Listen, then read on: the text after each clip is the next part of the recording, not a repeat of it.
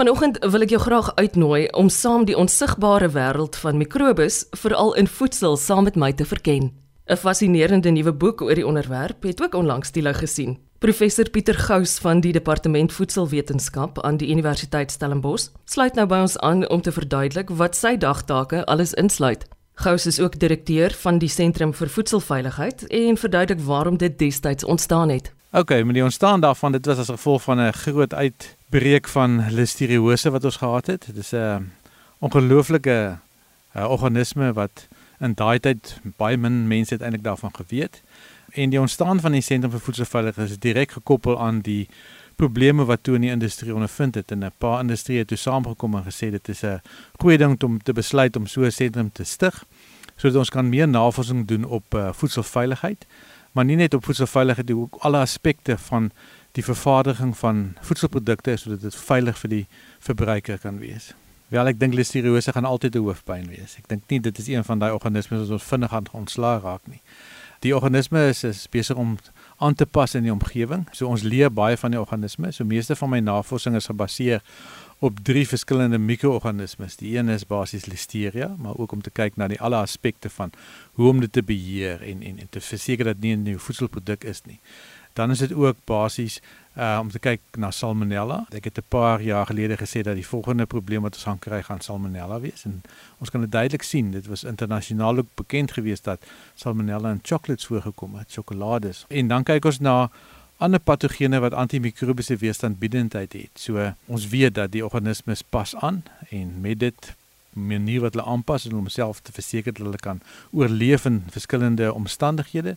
So as jy vir hulle antibiotika gee dan aan die einde van die dag word hulle weerstandbiedend daarteen en hoe beheer jy dit in 'n in 'n voedselomgewing en en wat maak jy daarmee want as jy byvoorbeeld as 'n verbruiker sit en jy word siek van so 'n organisme dan is daar baie min antibiotika wat jy dan kan gebruik om jou gesond te maak. Dan kyk ons ook na 'n baie interessante ding is 'n bakteriofaag. 'n Bakteriofaag is eintlik 'n virus wat bakterieë aanval, maar is verskriklik spesifiek. So Uh hy sal byvoorbeeld 'n vaag wees wat net Listeria aanval, maar nie Salmonella of Campylobacter of Staph aureus of een van daai organismes nie. So as jy 'n spesifieke probleem het van 'n organisme wat jy van ontslaa raak, kan jy dan daarvan gebruik maak. Dit is 'n nuwe tegnologie wat nog nie baie wyd gebruik word nie. Een van my PhD studente het nou net 'n uh, graad gekry wat ons bewyse dat die mense dit in 'n voedselindustrie kan gebruik en dat ons werklike uh, afnames kan kry van Salmonella in daardie geval van daardan sekerlik ook 'n rede vir die skryf van die boek Living with Little Monsters wat vlede jaar die lig gesien het. Ja, nee, Living with Little Monsters is eintlik 'n COVID baba want eh uh, soos ons almal weet kon ons nie altyd in die laboratoriums wees nie, ons kan nie teruggewees het by die werk nie en toe het ons besluit ons moet iets doen vir die verbruiker. Uh en hierdie boek, alhoewel in Engels geskryf is, is dit 'n baie interessante boek uh want hy spesifiek geskryf vir die verbruiker om bietjie meer te kan verstaan oor uh, die organismes wat ons nie altyd kan sien nie. Uh, en hierdie organismes wat altyd 'n groot rol speel as dit kom by voedsel en voedsel verliese wat 'n mens het of bederf van voedsel of jy siek word van verskillende voedselprodukte. Dit was nogal moeilik geweest van 'n wetenskaplike om die om die boek so te skryf dat dit basies gelees kan word deur die algemene verbruiker, maar dit is ook so geskrywe dat dit tegnies werklik korrek is. So die feite wat in die boek is is is, is werklik korrekte feite en is gemaak dat ons dit kan toepas of dat die verbruiker definitief 'n doel kan sien waarom hulle die boek moet lees. Die boek is ook so ingedeel om vir jou 'n algemene inleiding te gee van die mikroorganismes en hoekom hulle belangrik is nie net in voedselprodukte nie, maar ook oral deur die wêreld en hoekom hulle so 'n groot rol speel in die wêreld. So Louis Pasteur het altyd gesê it's the microbe that will have the last word. En as gevolg daarvan het ons te beginne om die boek te skryf. Die boek behandel nie net die organismes wat jou siek maak nie, maar die boek behandel ook organismes wat tot nut gebruik kan word in die vervaardiging van verskillende voedselprodukte. Die boek behandel ook hoekom 'n mens sekere voedselprodukte in sekere temperature opberg en hoekom sekere produkte nie so maklik bederf as ander produkte nie. Uh, om net vir 'n voorbeeld te gee, as jy byvoorbeeld arbeie gebruik en jy sit dit net in jou yskas 'n paar dae dan begin dit 'n bietjie muff up opkry en bederf dit taamlik vinnig maar as jy arbei konfyt het dan kan dit vir vir jare amper in jou kas staan sonder dat dit bederf word. So ons behandel daai tegnieke wat die voedselwetenskaplikes gebruik om te verseker dat jou produkte 'n lang lewensduur het, 'n goeie kwaliteit het en ook veilig gaan wees. Wat is nog van hierdie organismes wat ons tot ons voordeel kan gebruik? O ja, natuurlik. Ons hou natuurlik van bier en wyn. so dis definitief een van die organismes wat ons voordeel kan gebruik. Van die ander organismes is melksuurbakterieë wat ons gebruik in yoghurt en kaas vervaardiging wat daar is en enige iets tot olywe en tot uh, enigiets wat 'n mens fermenteer is 'n is 'n mikroorganisme wat 'n rol gespeel het. Die natuurlike salamies wat ons kry word gebruik gemaak van 'n fermentasieproses van mikroorganismes. Uh, maar deesdae gebruik die mense ook alle maniere om dit te doen om dit die pH daarvan of die suurvlakke daarvan net te verlaag sodat hulle 'n langer rakleeftyd kan kry. Gefermenteerde voedselprodukte is ongelooflik in die mode op die oomblik met goeie rede ook. Ek dink aan iets soos kimchi wat korrek 100% van die tyd in my yskas te vind is.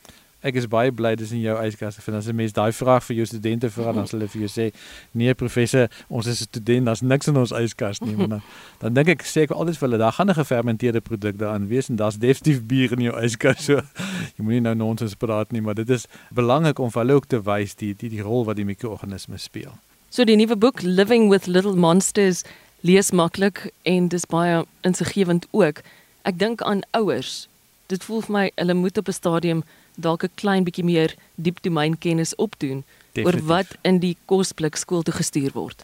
Definitief. Ek dink die ouers gaan baie daarbey baat vind. Maar as mense nou eers voor voor die mense nou die ouers aanspreek, wil ek graag die die jong generasie aanspreek want daar's 'n 'n groot leemte wat dit kom by kos maak. Uh, ek dink baie van die TV-programme is nou meer jong mense is bereid om nuwe iets te uitprobeer. Uh, my dogter uh, doen Woensdae experimental cooking night waar daar nuwe goedes gedoen word wat mense baie keer wil proe en ander keer nie wil proe nie, maar ek dink die jong mense moet bietjie meer uitvind van die van die veiligheidsaspekte en hoe om kos te hanteer. As jy mens internasionaal kyk, is dit nogal interessant om te sien dat die meeste siektes wat voorkom verwant aan voedsel is by jong mense wat vir die eerste keer uit die huis uit gaan, soos 'n eerstejaars student of iemand wat net begin werk en en en nie meer die afhanklik is van die ouers om hulle kosprodukte te vervaardig nie. En ook die manier hoe hulle dan die kos opberg en dan basies dit nie verkoel hou nie. Sekere produkte as jy al sit jy dit ook in 'n kind se kosbak, moet dit nog steeds verkoel wees anders kan dit baie vinnig bederf. Ons kyk maar net na hoender mayonnaise toebroodjies eh, wat eintlik in die in die yskas moet wees. Dit word baie keer ingesit en die temperatuur in Suid-Afrika en in somertye is taamlik hoog. So jy kan baie vinnige bederf kry en dan het hulle maar 'n bietjie probleempie as hulle terugkom by die huis wat as gevolg is van die feit dat hulle nie weet hoe om hulle kos op te berg nie ek kan my indink dat beerdkrag ook nuwe perspektiewe benodig in die verband. Ja, nee, beerdkrag gee vir ons net 'n paar probleme, maar daar ons is ook besig om oplossings te kry vir die probleme wat daar is. So met beerdkrag is dit gewoonlik dat jou yskas se temperatuur nie altyd dieselfde bly nie. Die yskas se temperatuur raak hoër en dan sit 'n mens met die probleem dat daar baie fluktuasie is in die temperatuur. Ehm um, nou daar's oplossings daarvoor, maar die probleme wat 'n mens kry is dat jou voedselprodukte vinniger bederf dit hou nie by die rakleeftyd datums wat gewoonlik op die verpakking is nie. Maar ek beveel altyd mense aan om te sê dat as jy afhanklik is dat jou kos moet veilig bly en jy het is nou nie so bevoorreg om sonpanele te hê nie, dan moet 'n mens maar 'n paar bottels water in jou vrieskas sit en dit vries. En as jy sien dit is uh beerdkrag, dan vat jy daai gevriesde bottels water en sit jy dit in jou yskas en dan het jy nie net lekker koel water om te drink nie, maar die temperatuur van jou yskas gaan dan ook dan nie so vinnig val nie. En as die beerdkrag dan net weer verdwyn, dan vat jy maar net daai water of jy drink dit op of jy sit dit maar weer in jou vrieskas. Dit is 'n baie goeie manier om te verseker dat die fluktuasie in die temperature nie so groot is dat jou kos dan gaan bederf nie. En en dit is bewys dat jou kos dan basies daai rakleeftyd gaan haal sodat wat dit op die verpakking is uit hoofde daarvan en ek neem myself vir 'n oomblik terug na 2018. Dis baie ongemaklik en dankie tog ons is nie nou daar in daardie periode van listeriose nie, maar moet ons as verbruiker bekommerd wees op hierdie stadium of kan ons slegs op ons hoede wees? Nee, ek dink op hierdie stadium moet ons op ons hoede wees. Ek dink die voedselindustrie is bewus van die probleme wat daar gaan wees as gevolg van beerdkrag en ek dink nie ons hoef meer te vertel daaroor van die verliese wat op die oomblik gelei word deur melk wat weggegooi word as gevolg van daar nie genoeg verkoeling is nie of die hoeveelheid uh, hoenders wat geslag kan word nie gedoen kan word nie as gevolg van die feit dat daar nie krag is om hulle te slag nie. So uh, mense me sit met 'n probleem en die voedselindustrie is wel uh, bewus van alles en hulle doen alles in hulle vermoë om te sorg dat ons 'n goeie veilige produk het. So ek dink as verbruiker moet ons dan die eienaarskap vat van die produk wanneer ons dit koop. En sodra ons dit gekoop het, moet ons dit dan basies sorg dat ons dit reg hanteer. En as ons dit vinnig kan kook, dan is dit net beter, maar as dit miskien langer opgeberg moet word in die yskas, dat ons net verseker dat die temperatuur nie te hoog word binne in die yskas nie. So die dae van 'n halwe lam in die vrieskas, sou jy nie sonpanele hê of enige ander vorm van hernubare energie nie. Is dalk vir nou eers getel. Dit bygesê, ek glo tog daar is lig in hierdie baie donker tonnel. Ja nee, ek dink daar's lig in die tonnel. Ek dink definitief so. As 'n mens byvoorbeeld 'n vrieskas vol pak en hy is vol van die vleis, dan is jou kanse baie skaal dat daar baie bederf gaan wees. Dis maar as gevolg van die ekonomiese toestand is daar min vleis in jou vrieskas is, dan sit jy met 'n groter probleem. So ja, as enige iemand daar buite is wat graag 'n braai wil hê, ek is welkom by julle te kom kuier as julle van julle lam wil ontslaa raak.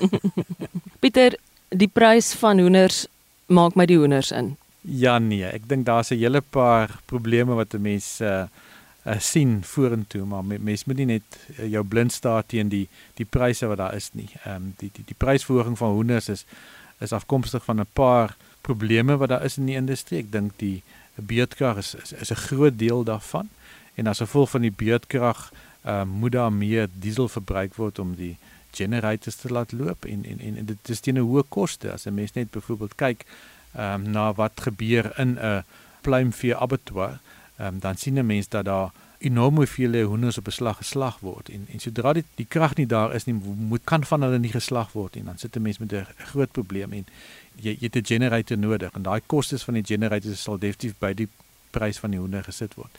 En met dit is dan nou ook natuurlik diesel wat wat duur is en dan ook die feit dat die die voer het ook duur geword. Wat sou jy sê is praktiese dieetveranderings wat ons as Suid-Afrikaners op hierdie stadium moet maak? Ja, ek is nou nie 'n spesialis in dieet nie. So ek ek hou baie daarvan om te eet.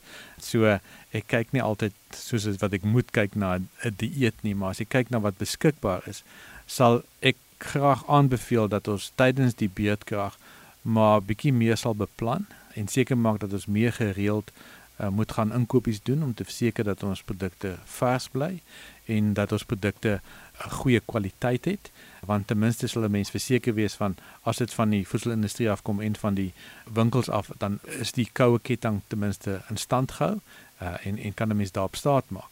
As 'n mens dan jou produkte koop en jy vat dit dan huis toe, sal dit maar baie beter wees dat jy vir jou 'n koelsak nader skuif om te verseker dat jou hoender en vleisprodukte en en melkprodukte en kaas by 4 tot 8 grade Celsius gehou word. Sit maar ysblok binne in jou koelerhouer en maak seker dat as jy by die huis gekom het dat dit onmiddellik in die yskas gedoen word en moet asseblief nie gaan koffie drink saam met jou vriende of vriendinne nie en vergeet van jou wonderlike produkte wat jy gekoop het nie. Die temperatuur kan dalk net te hoog raak vir hulle. Alternatiewe bronne van proteïen is iets wat ek baie graag altyd met julle ouens wil bespreek. Ja nee, ek dink ons kyk deesdae na alle alternatiewe bronne van proteïen. Dit is 'n algemene ding dat mense wil wegbeweeg van die normale proteïene wat beskikbaar is en uh, ek dink by die universiteit is ons besig om 'n hele paar projekte te doen op uh, alternatiewe proteïene.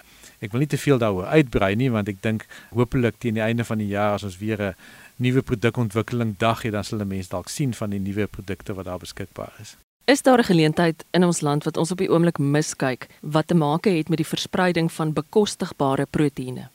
Ja, ek dink daar gaan altyd daai behoefte wees om dit te kan versprei. Ek dink op die oomblik is almal bemoeid met beerdkrag dat die mense eintlik min aandag gee aan nuwe produkte wat geproduseer kan word en almal wil net oplossings kry vir beerdkrag om te verseker dat 'n mens uh jou produk nog steeds veilig en 'n hoë kwaliteit kan kry.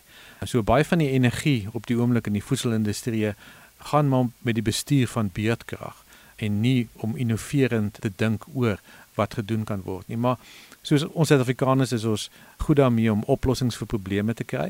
Ek dink binne die volgende paar maande sal die industrie met baie goeie beter oplossings kom deur die samewerking wat daar is tussen die verskillende industrieë en instansies wat daar is en dan kan daar weer klem gelê word oor die beskikbaarheid van bekostigbare proteïen. Professor Pieter Gous is van die departement voedselwetenskap aan die Universiteit Stellenbosch. Hy is ook direkteur van die Sentrum vir Voedselveiligheid. Luister gerus weer na hierdie program asook al ons ander na 'n besoek aan www.rsg.co.za. Dankie vir die saamkuier vanoggend. Ek is Eloise Pretorius. Totsiens.